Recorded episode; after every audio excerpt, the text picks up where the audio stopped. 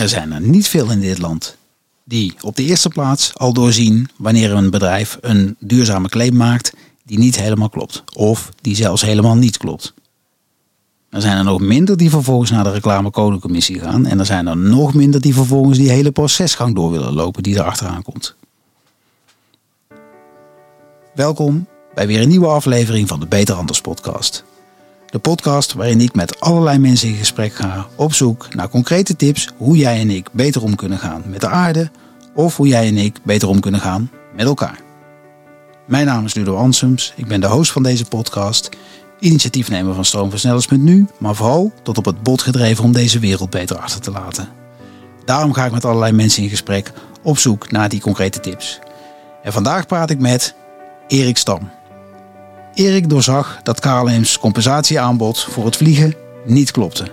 En schakelde de reclamecodecommissie dus in. En dat niet alleen, hij won. Hij gaat jou en mij in de eerste 10 minuten van deze podcast concrete tips geven hoe wij greenwashing beter kunnen gaan doorzien. En waarom is dat belangrijk? Omdat we daarmee ons geld daadwerkelijk groener kunnen gaan besteden. Daar hoeven we dus niet al het werk meer voor te doen wat hij dan gedaan heeft. We hoeven er ook niet voor de straat op in allerlei demonstraties. Nee, we kunnen ons verzet uiten bij de kassa. En dat is misschien wel een veel effectievere maatregel, want waar het geld niet meer naartoe stroomt, daar stopt het leven. Ik ben heel erg benieuwd met welke tips hij komt. Ik ben ook heel erg benieuwd wat er na de tips in de rest van de podcast nog allemaal voorbij mag komen. Ik zou zeggen, laten we gauw het gesprek aangaan. Geniet ervan en doe wat je kunt.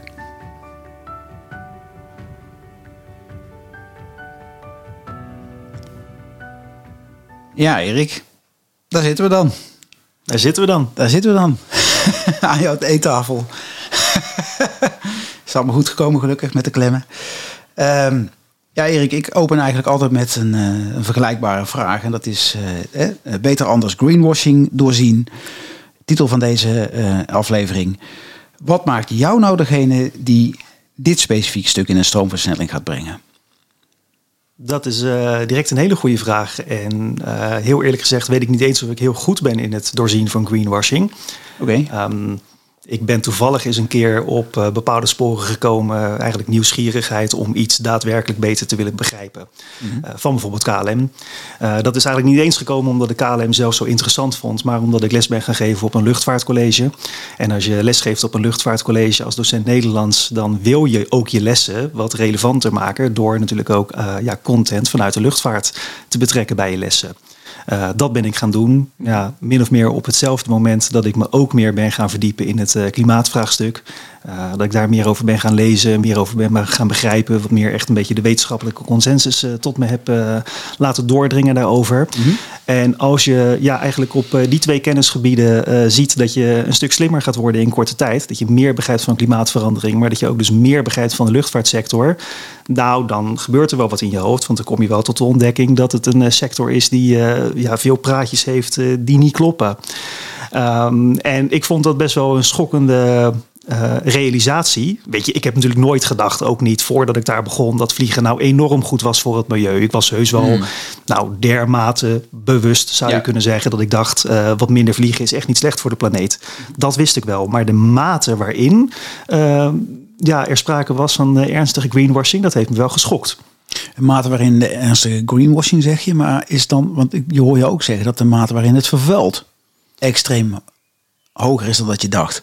Uh, ja, ja, op ja. heel veel gebieden, milieuaspecten, waarbij ik eigenlijk nog vooral let op CO2, hè, dus wat dat direct een invloed heeft op het klimaat. Ja. Uh, bewoners die wat dichter rondom een vliegtuig, uh, vliegveld wonen, ja, die zijn over het algemeen ook nog wel bezig met de geluidsimpacten en andere impacten die het heeft. Ja. ik woon een paar kilometer er vandaan, dus eigenlijk is dat niet eens mijn directe zorg. Maar als je wat meer met die bewoners gaat praten, kom je er ook wel achter dat er nog veel meer aspecten zijn. Maar dat is helaas voor die mensen ja, vooral een beetje een, uh, ja, een eenzame strijd. Omdat uh, andere mensen die vijf kilometer verderop wonen het allemaal niet zo interessant meer vinden. Ja, ja. Maar um, kun je een element noemen van, die, van de vervuilende dingen die veel groter waren dan je gedacht had?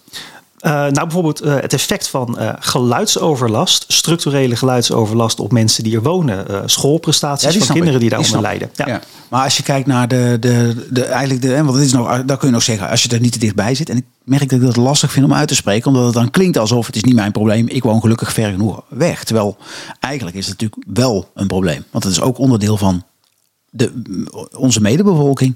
Ja, het is een collectief uh, probleem. Ja, maar als je nou kijkt naar de meer de vervuilende kant. Hè, ik weet niet, uh, ik ben er wat minder in gewijd. Is, het, uh, is de kerosine veel vuiler dan jij dacht? Of zit daar nog ergens iets wat, wat een veel grotere schade heeft aan klimaat, aarde?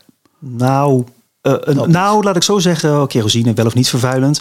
Uh, een belangrijk inzicht, wat ook uh, echt wel ja. iets van de recente jaren is, ja. dat is dat de totale klimaatimpact van vliegen mm. nog echt wel een, een, factor 2 tot wel 3 groter is dan alleen maar de directe CO2-uitstoot. Twee, drie keer groter. Ja, en dat heeft dan toch vooral te maken met het feit dat CO2 wordt uitgestoten in veel hogere luchtlagen. Ja. dus CO2 hier uit een auto is toch direct minder schadelijk dan op 10 kilometer hoogte.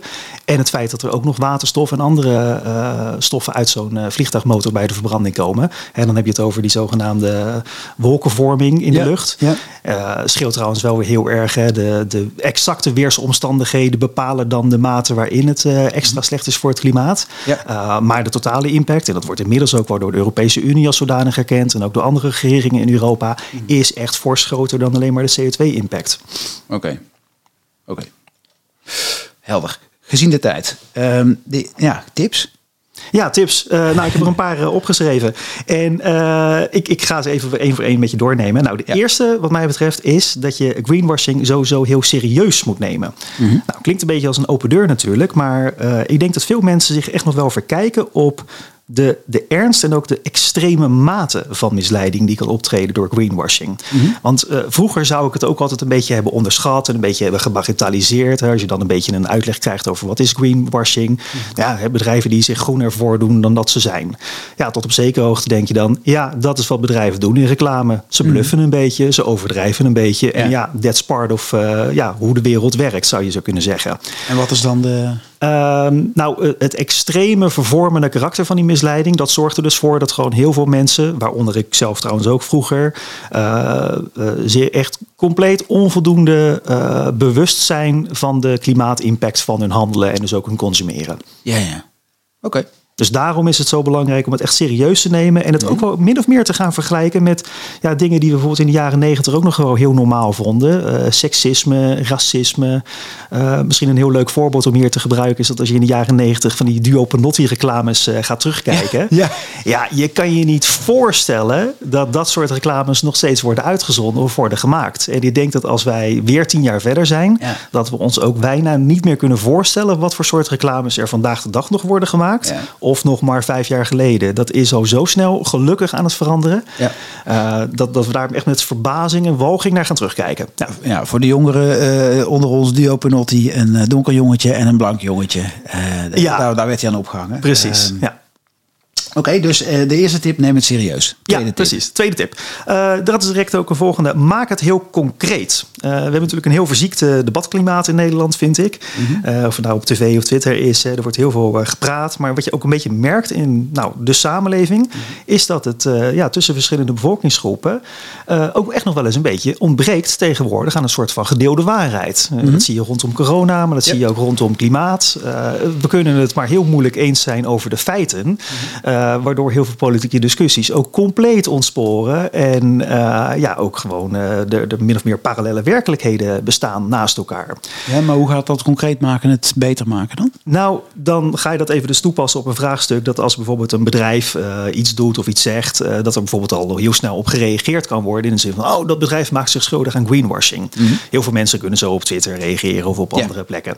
En ik zelf gebruik het woord greenwashing als beschuldiging eigenlijk niet zo heel snel. Mm -hmm. Uh, niet omdat ik niet denk dat het niet zo is, maar omdat het een beetje een makkelijk etiket is om ja, te ja. plakken op uh, wat er dan precies gaande is.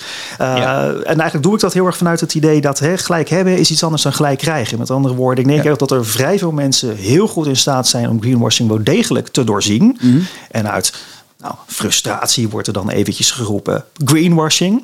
Ja. Uh, alleen het effect van alleen maar een keertje roepen, greenwashing, uh, ja, is vrij nihil. Uh, ja, ook omdat het een beetje vaag blijft. Wat is het dan vaag. specifiek? En wat je bedoelt, te zeggen is, maak het dan zo concreet als, uh, nou, in de voor mij in de KLM-aanklacht, wat was daar de concrete? Uh, nou, ik heb twee keer inmiddels van KLM gewonnen. De eerste keer ging het over biobrandstof en de tweede keer over CO2-compensatie. Ja, het is niet meer bij te houden, Erik. Je gaat overal. Ja, ja, ja. verder. Duitsland en andere. Ja, ja precies. Uh, dus uh, nee, nee, nee, zeker. Ik heb al meerdere keren gewonnen bij de reclamecodecommissie. Maar waarom doe ik dat? Nou, eigenlijk wel omdat ik natuurlijk ja, het dus niet alleen maar belangrijk vind om gelijk te hebben. Ik vind het belangrijk om uiteindelijk gelijk te krijgen. Maar ook door met je zaak naar een commissie te stappen. En dus ook het oordeel daarover is een keer echt bij een wat hogere instantie neer te leggen. Een reclamecodecommissie. Ja, maar dat is de weg. Maar wat is het concreet dan? Want je hebt daar iets concreet gemaakt. Pak even een van de oh. twee van de cases. Want je zegt, maak het, maak het concreet. Oh, maak het concreet. Mijn vraag is, ja. hoe maak ik dat van greenwash? Wat, wat is de, hoe heb je dat concreet gemaakt? Oh ja, nou, fantastisch. Uh, nee, mijn eerste uh, case, dat was er eentje waarvan ik dacht, dat is zo extreem misleidend. Wat KLM een keer in 2016 al heeft gedaan in een blog. Mhm. Is min of meer gesuggereerd door een vraagstelling, een eigen vraag en eigen antwoord. Mm -hmm. uh, dat er al heel veel biobrandstof werd gebruikt in de operatie. Ah ja, ja, ja. want KLM doet dat al sinds 2011. En uh, in 2019, het laatste percentage wat dan eens naar buiten is gekomen, gebruikte KLM in de gehele operatie 0,18% biobrandstof. Terwijl ze al jaren eerder blogjes de wereld inslingerden en allerlei andere content de wereld inslingerden. Waarin ze in ieder geval suggereerden dat er bijvoorbeeld ook dagelijks werd gevlogen op uh, biobrandstof. Of dat het al vrij normaal is om te vliegen op vliegtuigen met wel tot 50% biobrandstof. Ja. Uh, en uh, oh, dat soort informatie wordt gewoon uh, gepresenteerd zonder enige context. Dus de feiten op zich kunnen nog wel kloppen. Mm. Alleen de manier waarop je die feiten presenteert is dermate suggestief, dermate extreem misleidend dat een gemiddeld publiek zonder voorkennis op een geheel ja, verkeerde voorstelling van zaken wordt gebracht. Ja, en de feiten die kloppen is dan uh, 2011, geloof ik, ik weet niet meer precies. Ja, het jaar al, 2011 zijn we al bezig, dat klopt. Maar als je vanaf 2011 bezig bent, dat kan kloppen. Hè. Dat kan kloppen, zeker. Ik ben, ik ben sinds 1990 bezig om af te vallen, maar ik ben er niet heel veel lichter geworden. Dat kan nog steeds. Dat, dat is exact, exact. Ja, ja. Ja, Oké. En um, even nog terug, want je zei net 0,18% van de hele operatie. Dus alle vliegtuigen van KLM ja. gebruiken 0, in, in totaal 0,18% van de brandstof is daar maar duurzaam van. Ja, en dan is het inmiddels 2022, dus nu is het 0,5%. Ze zijn een klein beetje verder gegaan. Ook okay, omdat maar dan, ze, inmiddels, ja, ja. want, want 0,18 betekent dat er dus 99,82% nog vuil is. Ja. Dat geeft aan hoe, uh, hoe, hoe druppel het is. En exact. Het is voortgang misschien, oké. Maar in dit geheel is het wel, wel vrij dunnetjes. Absoluut. En inmiddels dus 99,5. Nou, absoluut. Ja. Procentueel is dat trouwens een, een flinke, dat mag ook gezegd worden. Maar, in het, en maar waar, waar je wil komen, het, tempo is wel traag. Het is veel te traag. En ook vooral, uh, het, het, klopt ook niet met eerdere prognoses van KLM. Ja, en uh, de internationale luchtvaartorganisaties. Die hebben in het verleden al gezegd dat ze in 2020 op 6 of 10 procent zouden zitten. We zijn niet eens in de buurt gekomen. En de conclusie mag dan dus zijn dat dat was, waarschijnlijk niet heel erg snel gaat versnellen. Of in ieder geval dat je voorzichtiger mag zijn met allerlei grote beloftes. Absoluut, absoluut. Oké, nummer drie. Uh, nummer drie. Uh, specialiseer en werk samen. Uh, want greenwashing oh, doorzien is denk ik echt wel een, een, een combinatie tussen concrete kennis van specifieke onderwerpen. Mm -hmm. Ik heb misschien een beetje verstand van duurzame kerosine inmiddels en van CO2-compensatieprojecten. Maar ik heb bijvoorbeeld weer helemaal geen verstand van waterstof of vliegen ja, ja. op elektriciteit. Met andere woorden, je hebt echt wel die kennis nodig van specifieke vakgebieden om er doorheen te kunnen prikken. maar de combinatie die daarbij echt heel erg behulpzaam is en waarvan ik wel wel denk dat ik dat uh, pakket in huis heb. Dat is het min of meer kunnen doorzien van drogredenen. Ja, precies. Uh, hè, Ik heb natuurlijk dat Daar verleden. Gaan we naartoe. Ja, precies. Um, kunnen we eigenlijk ook misschien wel nu naartoe gaan wat mij betreft. Want um, je, ja, vertel. Drogredenen? Ja, nou ja, ik ben, het, ik, ik, ben debattrainer uh, geweest en ik ben het nog steeds wel. Hè. Ik ben ja. uh, nu uh, het grootste deel van mijn tijd docent Nederlands, maar freelance ben ik nog altijd debattrainer. En ben ik altijd geweest, jonge leeftijd, met heel veel plezier deelgenomen aan allerlei debattoernooien. Ja. nou, het hele riedeltje. ja, en, en dat is echt extreem behulpzaam om vooral uh, ja, toch makkelijker te doorzien, scherper door te vragen uh, waar uh, de bluff zit van een bedrijf. en waar ze met suggestieve manieren van argumentatie ja, toch wel een bepaalde indruk weten te werken die niet heel makkelijk te weerleggen is. Ja, omdat je dus de verhullingstechnieken kent vanuit het debat. Ja. uh, activiteiten die je Precies. hebt ontplooit, weet je ze ook snel bij een ander te herkennen. Je ruikt als het ware, oh wacht even, nou gaan we, ik nou gaan we dit doen. Ja, ja, ja, precies. Ik ruik het een beetje inderdaad. En dat, mm. dat is echt een hele fijne vaardigheid. Om dus eigenlijk is tip 4, heel Nederland moet een debattraining gaan volgen.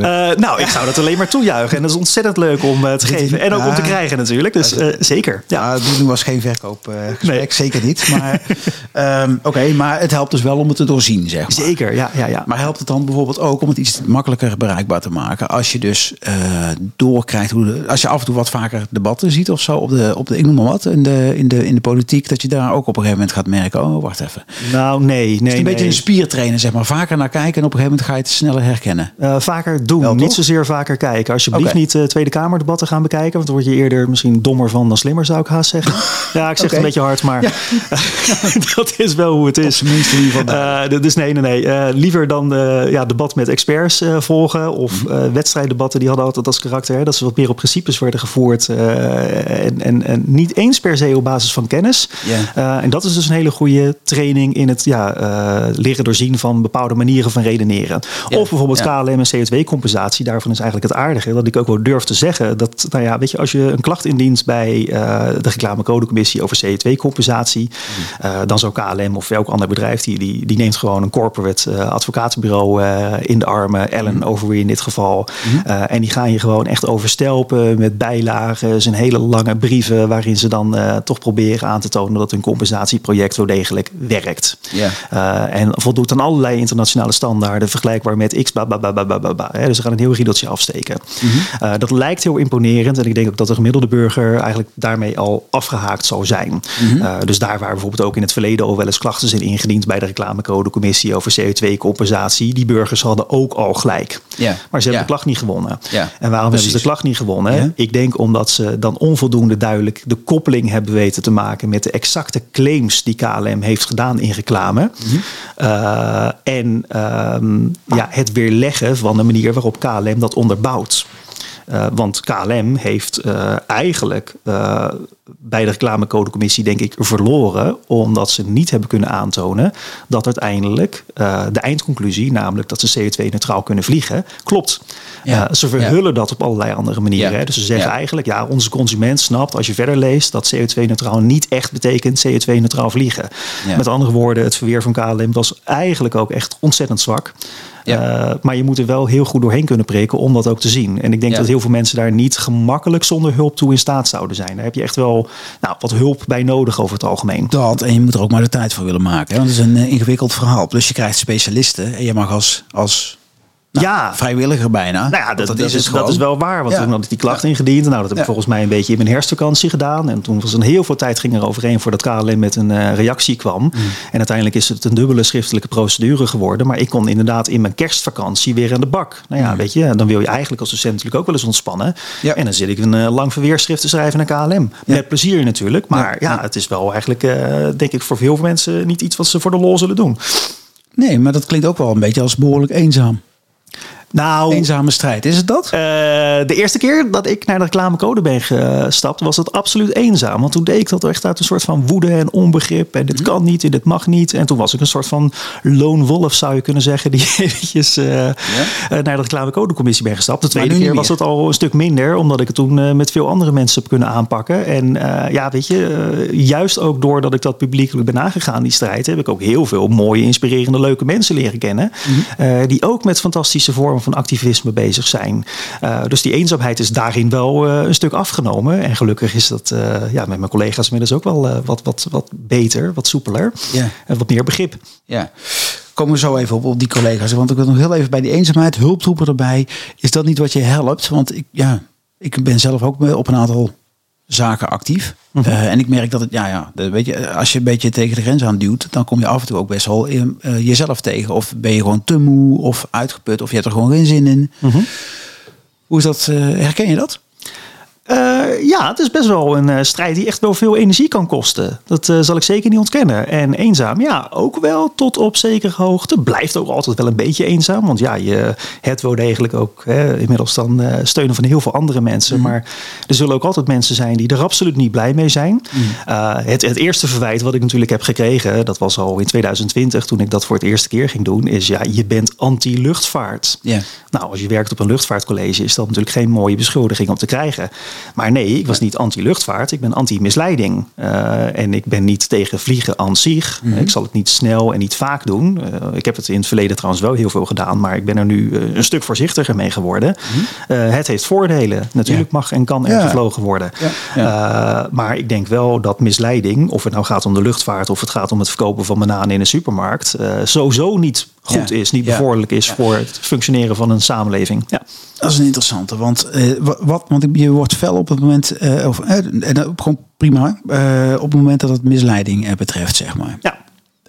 Wat, waar zit daar de, wat is de pit van die, van, die, van die felheid, zeg maar? Waar komt dat vandaan? Ja, nou, misschien is dat wel uh, klinkt heel gechargeerd gezegd. Ik zei, ik heb veel gevlogen in mijn leven. Ik heb uh, echt wel goed genoten ook van, uh, van veel dingen.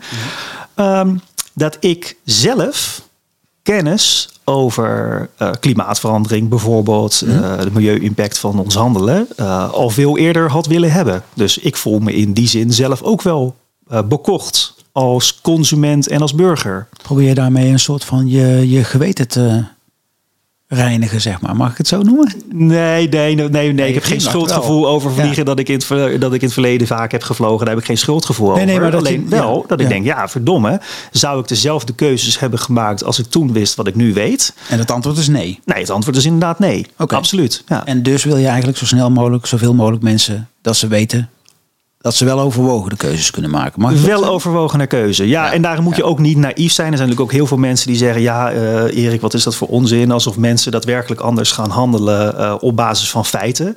Uh, klimaatwetenschappers die hebben dat misschien ook 30 jaar geprobeerd met, ja. met weinig succes. Ja. Er komt echt wel meer bij kijken dan alleen maar meer feiten en dan anders handelen.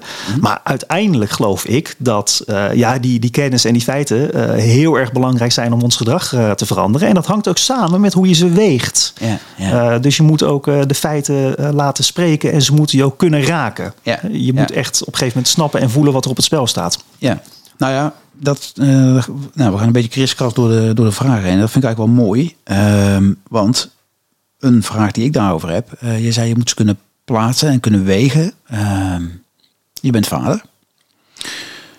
Um, als we doorgaan met het, uh, als we vliegen volhouden zoals we doen, en een hele hoop, een vliegen is er één, en laten we wel wezen, zijn een hele hoop dimensies waarin we Precies. op dit moment in een soort gewoonte zijn gekomen. Eigenlijk omdat we steeds doorgegaan zijn op een weg waar we nog steeds op zitten en waar steeds meer ook bedrijven concluderen, misschien moeten we toch eens wat anders gaan doen. Als je, als je gewoon eens door je oogharen kijkt naar de toekomst. Dat is de ene blik. En de andere blik is je dochter van hoe oud is ze? Acht jaar. Acht jaar oud. Je dochter van acht jaar oud, die gaat die toekomst in. Wat doet dat met je? Ja, ik maak me daar uh, natuurlijk als vader wel, wel zorgen over. Ja, misschien ook wel grote zorgen. Uh, nou, kun je, zou je dat kunnen... Bedoel, schaal 1 op 10? Nou, toch wel een 8. Ja, vrij grote zorgen. 8, ja, de situatie is heel ernstig. Uh, dat wil niet zeggen... Valt me nog mee, moet ik zeggen. Maar... Ja, ja, ja. misschien dat ik het onderschat Mijn perceptie, mijn perceptie. Ja, ja, ja, ik denk dat ik het nog steeds wel kan onderschatten. En mm. uh, ja, uh, ik ben ook helemaal geen heilig op het gebied van verduurzaming. hoor. Ik heb hier zelf ook nog enkel glas in een huis. En er is nog genoeg te doen in mijn eigen leven. Dat hebben we allemaal. Hè? Dat hebben we inderdaad allemaal. maar maar de, de, situatie is wel heel ernstig. En ja, het is mijn dochter. sterker nog, op een gegeven moment kom je denk ik ook wel tot ontdekking. Zo van ja, het is niet eens alleen maar een kwestie van onze kinderen en onze kleinkinderen. Mm -hmm. wij gaan zelf hè, met mijn leeftijd uh, waarschijnlijk de effecten ook nog wel uh, in veel ernstiger mate voelen dan, uh, dan wat nu al gaande is. Absoluut. Ja. Absoluut. Ja. Sterker nog, um, ik heb wel eens gelezen dat dit kabinet en het volgende kabinet, daarin moeten we het gaan doen. Want anders, hè, de, de, dus de echte koers gaan kanten. Ja. En we zijn toch alweer een stukje verder in de tijd. En dat ja. heeft heel veel effect. Dus, ja. ja, precies. Ja. Um, ja, even over, de, want het, het, is een paar keer voorbij gekomen, de, de, de luchtvaartopleiding waar je, waar je les geeft. Ja, ik kan me voorstellen dat daar de, de, de vlag niet echt uitgaat, zeg maar, met wat je doet. Nou, maar, maar hoe is dat? Want je hebt leerlingen ja. en je hebt je, je mededocenten, zeg maar. Ja. Is daar een verschil tussen? Ja, daar, daar zat of zit wel een verschil tussen. En nogmaals, eh, ik denk dat ik inmiddels echt wel ook binnen mijn team met iedereen een hele goede verstandhouding onderhoud. Ook over dit onderwerp.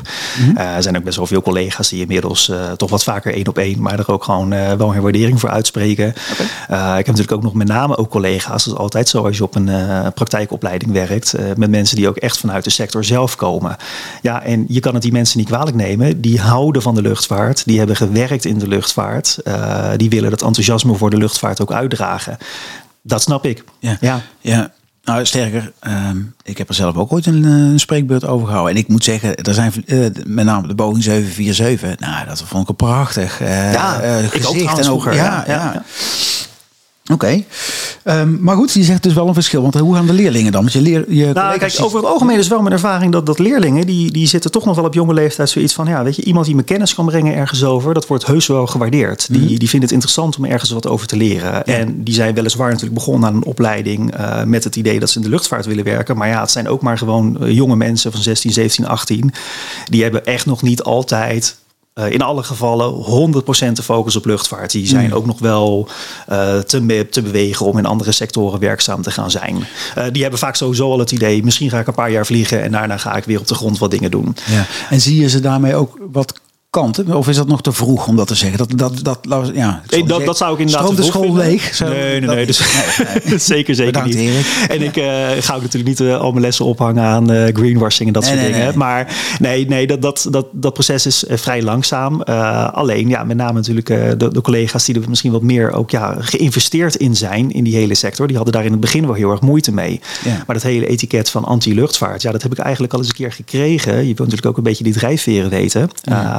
Eh, toen ik er net een aantal maanden werkte, heb ik een aantal eh, artikelen eens een keer opgehangen uit NRC Handelsblad. Beschouwende, brave, maar wel feitelijke artikelen over eh, ja, verduurzaming in de luchtvaart. En de strekking was toch een beetje, ja, dat is een stukje lastiger dan we denken. Want elektrisch vliegen is lastiger dan we denken. Waterstof heeft zo zijn beperkingen. Biobrandstof, moi, hè, weten we niet. Met andere woorden, het gaat allemaal te langzaam. En misschien moeten we wel minder gaan vliegen. Nou, alleen al die eindconclusie, minder vliegen. Ja, dat wordt als blasfemie beschouwd. Dat is een soort van godslastering. En je merkt wel eh, dat eigenlijk in die hele bubbel, als ik het zo mag noemen, Ja. dat er dus weinig ruimte is voor dat geluid. Dat debat mag niet echt gevoerd worden. Het is toch een soort van taboe dat je moet eh, doorbreken. Ja. Eh, en ik zeg het even heel gechargeerd, hè, want de ene die gaat er een stuk sportiever mee om dan de andere. Maar je proeft wel, wanneer je in zo'n gebouw rondloopt, als je daar les moet geven, maar ook als je natuurlijk onderdeel uitmaakt van een hele eh, wereld van luchtvaart, dat het een heel gevoelig en moeilijk gesprek is om aan te zwengelen en te voeren. Ja. En het leiderschap. Dan heb je het natuurlijk over Dick Benschop. Dan heb je het over Pieter Elbers. Dan heb je het natuurlijk over de captains of industry in Ja, zo'n veld. de bazen daar, ja. De bazen Ja, daar. ja. Ja, ja die, die willen dat niet horen. Nee. Nee. Nee, dat is duidelijk, ja. Ehm, Oké.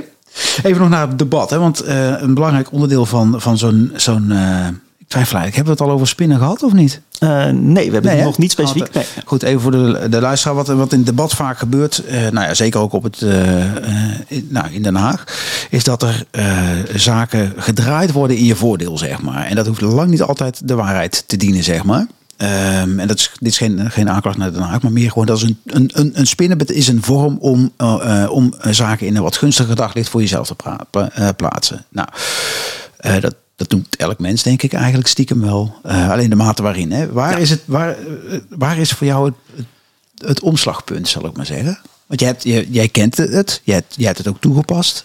Doet het nog wel eens, denk ik. Ja. Wanneer wordt het voor jou lelijk? Wanneer gaat het voorbij? Ja. grens? Ehm, misschien een hele mooie. Eh, kijk, KLM eh, heeft in Nederland heel erg lang het imago willen cultiveren. Wij zijn de meest duurzame luchtvaartmaatschappij ter wereld. Wij eh, zijn al sinds jaar en dag de nummer één of staan in de top drie van de Dow Jones Sustainability Index van de luchtvaart. Met andere woorden, wij zijn een lichtend voorbeeld. Wist ik niet eens, joh. Oké. Ja, dat is zo. En dat is eigenlijk natuurlijk een soort van, ja, je zou het haast kunnen zeggen, een soort van eh autoriteitsdrogreden. Op basis Ja, ja. waarvan ze automatisch wat meer krediet krijgen. Waardoor je net wat minder scherp doorvraagt. Waardoor je al sneller zou denken, oh, bij KLM zal het wel goed wezen. Want KLM is in ieder geval beter dan pak een beter een EasyJet of een Ryanair of welke andere luchtvaartmaatschappij dan ook. Ja, dat krediet moet je ze geven. Even een term eruit halen, want je zegt autoriteitsdrogreden. Dat is een, eh, volgens mij een debatterm term, maar daar bedoel je mee dat je eh, een, een hoog aangeschreven instantie, als die zegt, jij bent goed, dan ben je dus goed. Dat is wat je bedoelt. Ja, precies. Ja. Uh, het keurmerk, oh, je staat hoog in de Dow Jones Sustainability Index. Dat is toch een aanbeveling. Ja, precies. Ja. Maar het kan nog steeds betekenen, hè, als je op een, een groep uh, ongeletterden één iemand hebt die, die één zin kan lezen. Goedemiddag mevrouw, hoe gaat het met u? Dan ben je al de beste van de klas. Maar dan ben je nog niet een fantastische lezer. Exact, exact. Ja, precies. Oké, check. Helder. Um, maar ergens zou je dus ook uh, van, vanuit je, je, je debat achtergrond enorme waardering kunnen hebben. Want ze zijn, ze zijn dan wel goed in dat spinnen. Uh, ja, zeker. En eerlijk gezegd ook uh, ja, filmpjes uh, van KLM of content van KLM van nog maar een paar jaar geleden. Mm. Ja, natuurlijk is dat mooi en zit dat heel knap en goed in elkaar. Daar kan je echt wel wat waardering ja. voor ja. hebben. Ja. maar ik vind dat het al heel erg dat Duo Panotti luchtje dus nu heeft van de jaren negentig. ik denk ook wel dat KLM dat nu heel snel aan het bijsturen is. Want ze snappen echt wel ja, dat toegenomen kritische aandacht ervoor zorgt dat ze met dat soort uh, enorme bluff niet meer wegkomen. En ze worden min of meer gedwongen uh, om dan wat meer ja, aan te sluiten bij uh, ja, toch wel een, een sterkere bewustwording van de wetenschappelijke werkelijkheid. Ehm, ja, heb ik er waardering voor? Ja, nou, kijk, tegelijkertijd moet je het ook weer niet overdrijven. Wat ze doen is plat en ordinair, zou je kunnen zeggen. Vanwege uh, geld binnenharken, zeg maar. ja, plat en ordinair. Ja, maar ook gewoon de, de manier waarop ja, zo'n woordvoerder uh, de, de boel uh, te woord kan staan richting pers, waarmee ze ja, ook journalisten het bos in kunnen sturen. Ja, ja. Echt heel goed zijn ze ook weer niet. Hè. Ze zijn kundig, ze hebben goede woordvoerders, ze hebben goede reclamebureaus en ze hebben goede advocaten. Maar je moet er niet overdrijven. Waarom moeten we dit niet willen? Erik, dit, dat, dat, dit, dit gebeurt. Hè? Dus het spinnen enzovoort. Weet je, waarom, waarom, moet, waarom moet ja. je dit een halt toeroepen? Nou, de essentie is, je wordt niet alleen misleid als consument. Het is niet alleen maar bijvoorbeeld rondom CO2-compensatie. Uh, uh, jij doet een verkeerde aankoop of uh, in een verkeerde veronderstelling klik jij CO2-compensatie aan en je krijgt niet geheel wat je daarvoor krijgt. Nee, als burger word je besodemieterd. Ja. Omdat wij KLM op allerlei manieren natuurlijk ook uh, als burger steunen. Wanneer KLM in de problemen kwam met de coronacrisis, dan staan wij garant uh, als overheid om uh, de boel te redden. Ja, en het is een sector. Is uiteindelijk jou en mijn geld. Dus ja, het is jou en mijn geld. En het is dan inderdaad ook nog eens een sector waarvan we weten wat hun koers is. Namelijk, ze willen alleen maar groeien, groeien, groeien. en ze zeggen dat ze kunnen groeien omdat ze gaan verduurzamen, verduurzamen, verduurzamen. Op het moment dat die praatjes niet kloppen. Dat we weten dat het een sector is die op ramkoers ligt met het klimaat. Ja. Uh, waarom steunen we dat? Ja, ja. CQ, waarom stellen we niet de voorwaarden? Dit krijg je aan steun, maar dan ga je ook gruwelijk verduurzamen. Dan, en kan dat niet, dan stopt de steun. Ja, ja, ja, trouwens ja, dat is direct al een beetje de politieke oplossing dan. Mhm. Eerlijk gezegd, uh, dat is de redelijke politieke afweging die je dan zou moeten maken. Alleen ik mhm. denk dat dit niet kan. Je kan niet en KLM willen redden, bijvoorbeeld. Eh, en tegelijkertijd ook nog willen verwachten dat ze gaan verduurzamen op een manier uh, die, die nodig is. Uh, Want die, de technische mogelijkheden daarvoor zijn gewoon te beperkt. Toch een tegengeluid, hè? en, en ik ben echt wel nou, behoorlijk duurzaam gedreven, denk ik. Ehm, maar uiteindelijk heb je daar ook gewoon mensen rondlopen met gezinnen, met kinderen. Hè, de kinderen, het, het kind dat jij hebt, de kinderen die ik heb. die ze ook gewoon van brood willen voorzien. Ja, natuurlijk. Ja, ja uh, ik denk dat het bij zo'n bedrijf uh, natuurlijk heel veel mensen rondlopen die werken met de beste bedoelingen. Uh, het is het werk dat op het spel staat. ja, daar hangt heel veel vanaf. Het is een stukje identiteit, maar ook een stuk zekerheid dat je hebt over inkomen. Ik zou het ook geen prettig idee vinden als ik morgen mijn baan kwijtraak. Of als ik zelfs al weet dat ik over twee jaar misschien mijn baan ga kwijtraken. Mm -hmm. Ja, natuurlijk is dat niet fijn. Ja. tegelijkertijd is dat ook niet een reden om nooit ergens over na te denken. Nee, nee, eens. Nee, eens, ja. eens. Maar ik zou hem bijna zeggen, kijk, vanuit het debat is, en, en vanuit nou ja, wat er moet gebeuren, er moeten natuurlijk een aantal hele moeilijke keuzes gemaakt worden. Vanuit het debat is er, nou, het voordeel is, je, je brengt uh, duidelijkheid, helderheid in. Je kunt zaken uitspreken. Als je het goed doet, kun je ook echt, echt elkaar verrijken met inzicht. Um, maar het, het, het nou ja, zoals het in de wedstrijden van, uh, voorbij komt, maar ook steeds vaker in, op het politieke uh, toneel volgens mij, zie je eigenlijk een soort van uit elkaar drijven van, van mensen. Wordt het een strijd? Mm Voor, tegen. Niks in het midden. Uh, en, en, en dus ook verwijdering. Ja. Um, terwijl, ja, hoe ga je dat... De, de, verbinding is de weg naar voren, hè? uiteindelijk, denk ik. Hoe zie jij dat? Uh, ja, verbinding is wel de weg naar voren. Uh, te, tegelijkertijd, uh, ja, soms is ons medialandschap en ons politieke debat ook een beetje kapot. en dan moet je denk ik niet alleen maar denken dat je vriendelijk moet blijven, mm omdat je daarmee de verbinding behoudt. soms moet je gewoon juist vanuit een soort van oprechte woede, maar ook gewoon een inzicht van dit is waar, maar eens even met je vuist op tafel slaan. Of, vraag, kan het niet allebei? Kan het niet op een vriendelijke manier duidelijkheid? Ja. Stelling nemen. Gewoon zeggen, jongens, luister, dit is wat de toekomst is. We hebben uh, allemaal kinderen rondlopen. Sterker nog, wat je daar straks zei, we worden zelf ook uh, binnen afzienbare tijd geraakt in een of andere vorm. Al is het maar bij de gedachte dat jouw kind, wat voor toekomst dat hij krijgt. Um, en nog steeds op een vriendelijke manier. Goh, hoe gaan we dit voor elkaar krijgen? En iedereen meenemen. Ja, zeker. Kijk, in XPO denk ik wel met die verschillende stijlen. Ja. Uh, want als ik bijvoorbeeld op Twitter zit en uh, ik heb een uh, debatje met een KLM-piloot, want dat heb ik natuurlijk wel eens. Ja. Het gaat er ja. niet altijd vriendelijk aan toe. Tegelijkertijd probeer ik wel die verbinding ook te behouden. Af en toe eens wat toe te geven, een beetje mee te veren. En ook een grapje te kunnen maken met ze. En het ook niet altijd alleen maar over het ene onderwerp te hebben. Mm -hmm. tuurlijk, dat is enorm belangrijk. En daar krijg je ook wel een soort waardering en respect voor terug. ze zeggen wel eens, nou, we vinden die Erik wel vervelend. Maar maar hij is nog soms iets beter te pruimen dan uh, andere ja, anti-luchtvaartactivisten. uh, die soms ook wel heel erg hard in, uh, in, de wedstrijd zitten. En dan zie je natuurlijk ook wel eens gescheld richting elkaar. Hè? De ad hominems die elkaar die, die over de tafel vliegen. En daar probeer ik me verre van te houden. Ja. E-, even uit de termen blijven. Ad ja, hominem. Ad hominem, ja, is gewoon een persoonlijke aanval. Gewoon. Persoonlijke dus, aanval. Een beetje schelden op elkaar. Ja. Oké. Okay. Um, Oké. Uh, ja, ik zit even te kijken. Ik denk dat uh, jou, ja, ja, jouw zus, je hebt twee zussen. Ja, klopt. Ja. Nou wordt het leuk luisteraar, want de ene werkt bij KLM volgens mij. Of in de ja, luchtvaart in ieder geval. Zo, en de ja. andere in de reissector en in, woont in Zuid-Afrika. En die ga ik even uh, het woord geven. Oh, leuk. Spannend. Ik heb een dilemma voor je. Stel, je moet mij gaan opzoeken in Zuid-Afrika. Zou je dat dan willen doen met een KLM-vlucht, zodat je in 11 uur bij mij in Zuid-Afrika bent? Of kies jij voor een oude diesel en ga je all the way over land door Afrika om mij te bezoeken? Ik ben benieuwd. nou, als ik hieruit moet kiezen, het is natuurlijk eigenlijk weer een uh, vals dilemma, maar dat is wel grappig. Uh, ik zou niet maar, voor die oude diesel kiezen. Ontvals hem dan maar. Wat zou je, wat zou je keuze zijn? Ben je bereid, laat ik hem nog scherper stellen, ja. ben je bereid om uh, nou, in ieder geval de frequentie van het bezoek van je zus naar beneden te schroeven? nou ja, dat, heb ik denk ik al gedaan, want uh, ze heeft me wel eens in de zomervakantie uitgenodigd in Zuid-Afrika. Daar ben ik afgelopen zomer niet op ingegaan. Mm -hmm. uh, maar dus om, die reden? Al. om die reden? Uh, ja, ja, ja. En dat ja. vind ik echt. En dat heb ik ook zo uitgesproken met haar hoor. Dus, -hmm. Maar nu zet ze, ze zetten natuurlijk, hè, stel je moet nu naar Zuid-Afrika om op te zoeken. Pak ik een KLM-toestel? Ja, ik pak een KLM-toestel. Ja, en dan maakt het ook niet uit wat KLM is, want ik heb niks specifiek tegen KLM. KLM is niet per se slechter dan Lufthansa of Air France.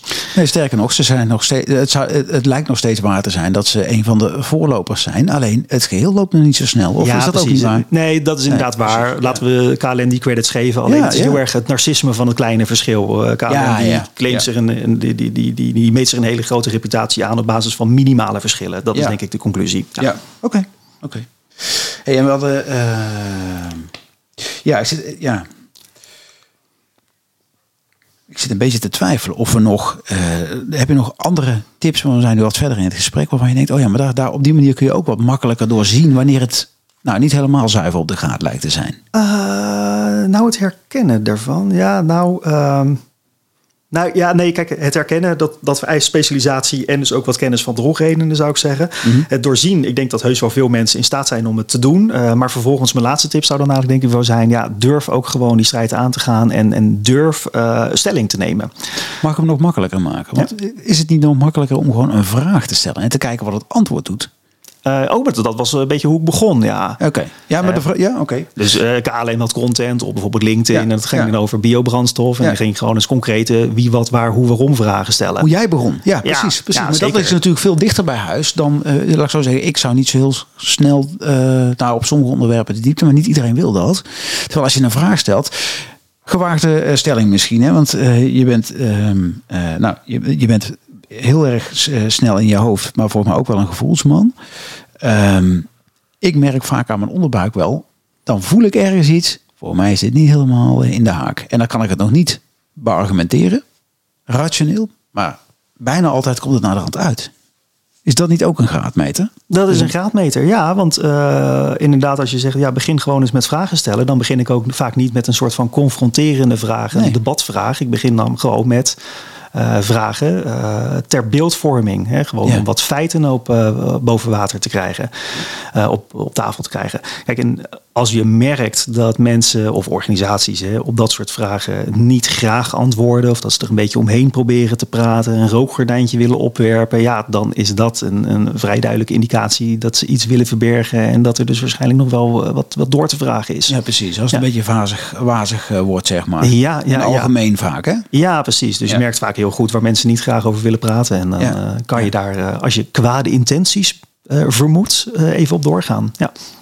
Nou ja, ik weet niet of het kwaad intent Het kan ook gewoon zijn. Nog, eh, soms zijn mensen zich op dat moment ook nog niet eens eh, zo van bewust geworden. Nee, Tot op het moment goed. dat ze merken, poeh. Nee, maar goed, als het de corporate eh, communicatieafdeling is van een Nee. bedrijf als KLM, dan Ja. vermoed ik al vrij snel kwade intenties. Maar wanneer het een snap ik, gewoon een ik. normaal mens is, dan zou ik inderdaad... Maar laat ik zo ja. zeggen, gewoon, gewoon een, een willekeurige stewardess of een willekeurige eh, eh, medewerker die de, de transportband, eh Nou, spul op de De transportband stewardess, dan heb je natuurlijk over de andere zus. Nee, eh, juist die niet. Die zie ik haast. Dat klinkt heel eh, gechargeerd wat ik hier zeg. Maar die zie ik haast als een slachtoffer van dezelfde misleiding. Ja, ja. Dus mijn andere zus, en ik wil eigenlijk niet per se lang op een podcast praten over haar werk bij, eh, bij de KLM. Maar goed, ja, Nee, precies. stewardess. We houden hem ook kort. Eh, het punt is, eh, ja, omdat zij is ook al lang eh, natuurlijk wel daar met plezier werkzaam. eh, maar natuurlijk ook niet eh, dat je denk ik bij KLM kerstpakketten krijgt uitgereikt waarin je boeken kunt vinden over klimaatverandering. Dat is niet een bedrijf die het natuurlijk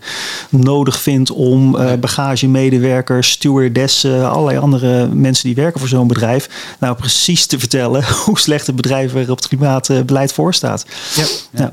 Oké, we gaan eens eh, over naar, naar een ander element toe. Wat we, nou ja, het eh, greenwashing doorzien zit met name om hoe gaan we om met, eh, met de aarde. Je zou kunnen ook zeggen, eh, ook met elkaar, want het gaat over de toekomst van ons allemaal. Eh, maar als je nou kijkt naar eh, hoe wij met elkaar omgaan, mensen. En jij zou daar iets aan kunnen veranderen. Eén ding. Wat zou dat zijn? Uh, jeetje, wat een moeilijke vraag. Ja, ik ben, ik ben een debatman. Hè, Mhm. Dus ik vind het belangrijk om heel scherp het debat met elkaar uh, aan te kunnen gaan. Mhm. Uh, en de manier waarop je dat doet, uh, wel graag zo respectvol mogelijk. Mhm. En inhoudelijk. Dat is misschien heel saai. Maar wat zou je dan bij, maar even los van Ja. het debat dan, zo meer in de omgang met elkaar? Ja, in de omgang met elkaar. Ja, eh, tegelijkertijd, kijk, ik, ik schuw natuurlijk ook af en toe niet, uh, nu ook in de media of op Twitter, om, om bijvoorbeeld bedrijven wel degelijk ook aan te pakken en een beetje ook, uh, mm -hmm. ja. Maar wat zou je meer willen, zeg maar? Is er een stuk wat je, wat je mist in, de, in hoe we met elkaar omgaan? Als je daar een, als je daar één tip over zou mogen geven. Nou, ja, misschien kan moeten we meer met elkaar omgaan. Misschien is er soms ook wel een, gewoon een gebrek aan met elkaar omgaan. Te veel langs elkaar heen leven. Ja, dus niet meer, meer elkaar praten. Maken, ja, meer contact ja. maken. Ja, ja, ja. ja, ja. ja. Oké. Okay. Oké. Okay. En um, waar lig je wakker van? Nou, niet zo heel vaak lig ik wakker van dingen. Uh, ik kan natuurlijk wel eens zorgen maken, maar uh, ja, weet je, ik, ik, ik ben toch een vrij uh, kalm, rationeel persoon. Ik, ik, ik zal niet heel snel, ook bijvoorbeeld over klimaatverandering, echt wakker liggen. Uh, omdat het ja, nooit een acuut gevaar direct voor morgen oplevert. Althans, dat, uh, tot heden is dat nooit het geval geweest. Mm -hmm. uh, het, het, is meer een soort van sluimerend besef. En ja, wel grote zorgen dat, dat, dat we als wereld dus een hele verkeerde kant op gaan. Maar ook wel dat we daar zelf de rekening voor gepresenteerd gaan krijgen. Maar toch lig ik daar niet echt wakker van. Ik heb wel het idee dat we alles op alles moeten zetten om bij te sturen. Ja, maar je kan maar beter dat gewoon een beetje met vrolijk gemoed doen. Met een stuk optimisme. Absoluut. Uh, dan dat je nou uh, kapot gaat piekeren erover. Ja. Nee, die snap ik, die snap ja. ik. Maar um, uh, oh, dit is een rationeel antwoord wat je geeft. Ja, ja, ja. ja. Mag ik je eens uitnodigen om er een, meer de emotionele of je hartkant aan, aan de microfoon te zetten? Ja, dat mag wel. maar ja, ik, ik, ik, ik zou niet echt snel echt wakker liggen. Wat dat betreft, ja, Nou ja, je, je moet doen wat je kan. En weet je, uh, optimisme, pessimisme, lig je wakker, maak je grote zorgen. Of waar ben je, waar wil je, wat hoop je dat er gaat gebeuren de komende tijd? Doe uh, dat, maar dan vanuit het hart, niet je, niet je hoofd. Ja, nou, ik, ja, nou ja, heel moeilijke vraag. Maar ik hoop, ja, natuurlijk op van alles. Maar mm-hmm. ik, ik, ik ben er eigenlijk niet zo heel vaak mee bezig. Uh, wat ik hoop. Uh, het zou heel goed kunnen dat ook mijn acties weinig effect hebben. Maar ik vind het niet een reden om het niet te doen. Je moet het gewoon doen. Je moet het proberen. Dat is het belangrijkste. En dan zie je wel. En wat hoop je dan? Je hoopt dat meer mensen dat gaan doen? Of wat is... Ja, natuurlijk. Ja, natuurlijk. Hè. Dus uh, ja, weet je, dat je op een gegeven moment een beetje een reclame, fossiele reclamejager wordt. Of dat je inderdaad, uh, nou vandaag uh, podcast greenwashing. Mm -hmm.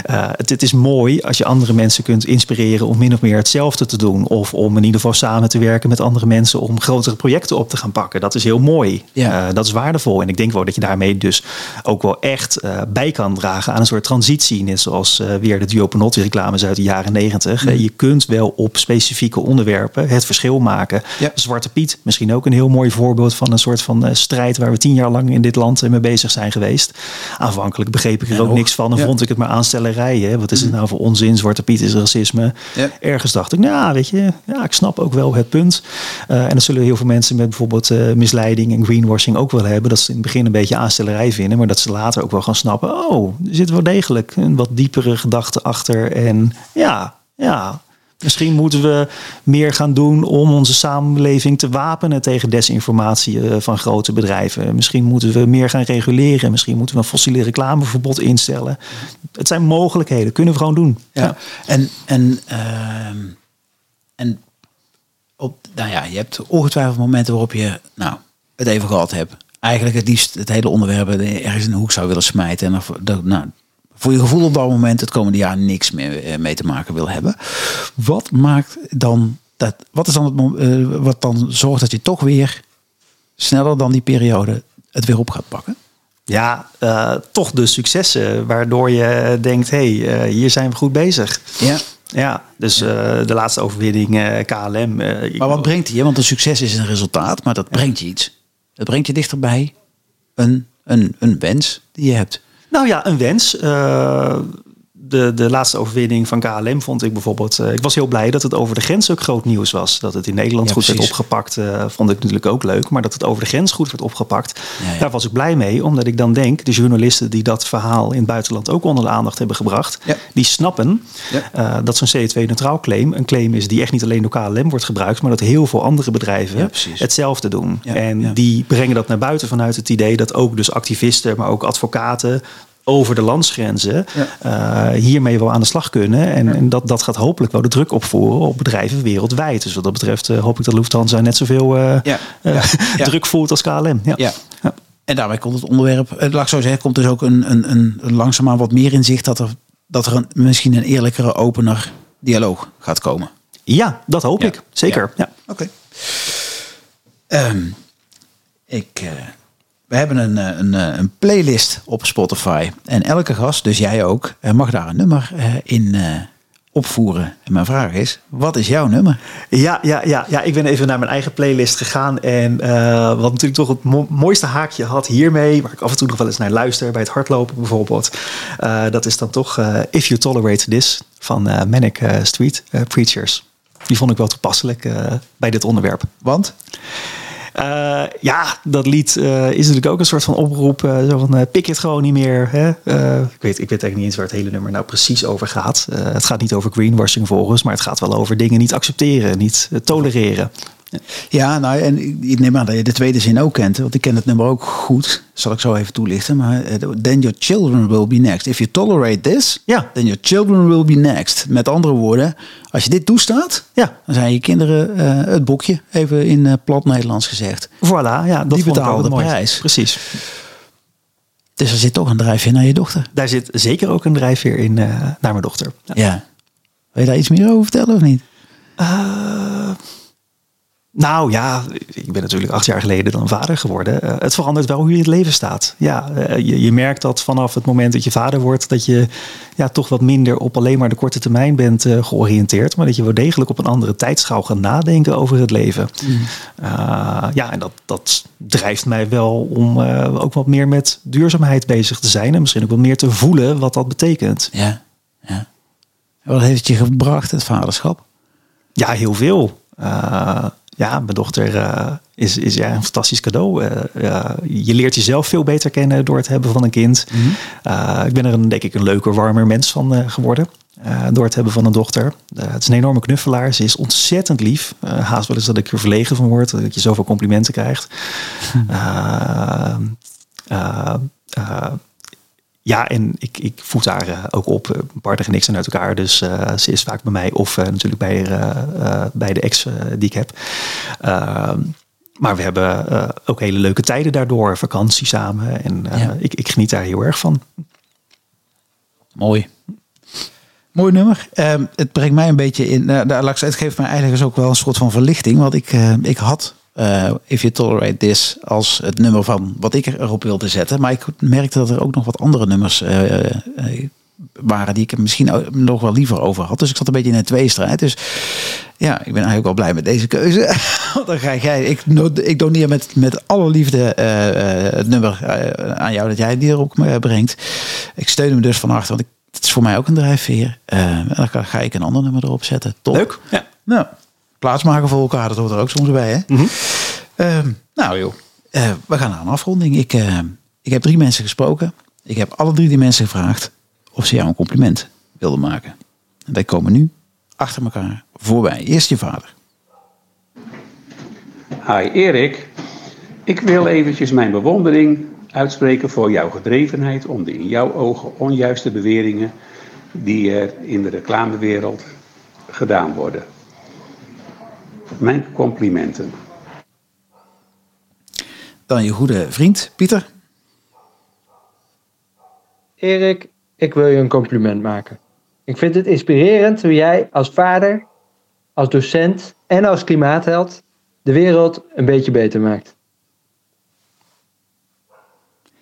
En tot slot, je tweelingzus.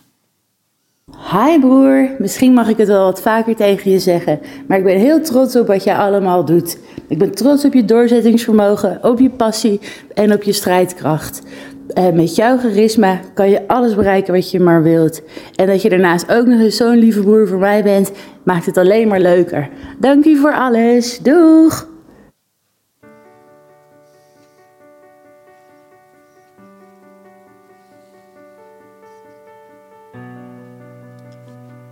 En daarmee eindigt weer een mooie aflevering van de Beter Anders podcast. Erik, dankjewel voor je inbreng. Hartstikke waardevol. Uh, luisteraar, mocht jij denken, ik heb toch nog een vraag die ik even wil stellen, stuur dan een mail naar ludo.beteranders.nl. En mocht het zo zijn dat je denkt, ik weet eigenlijk nog wel een goede uh, gast om bij jou aan tafel te brengen, doe dan hetzelfde. Stuur een mail naar ludo.beteranders.nl. Dan zou ik zeggen, ga vooral aan de slag met de tips die voor jou van toepassing zijn, waar je mee aan de slag wil. Um, maak er een mooie dag van en tot de volgende keer.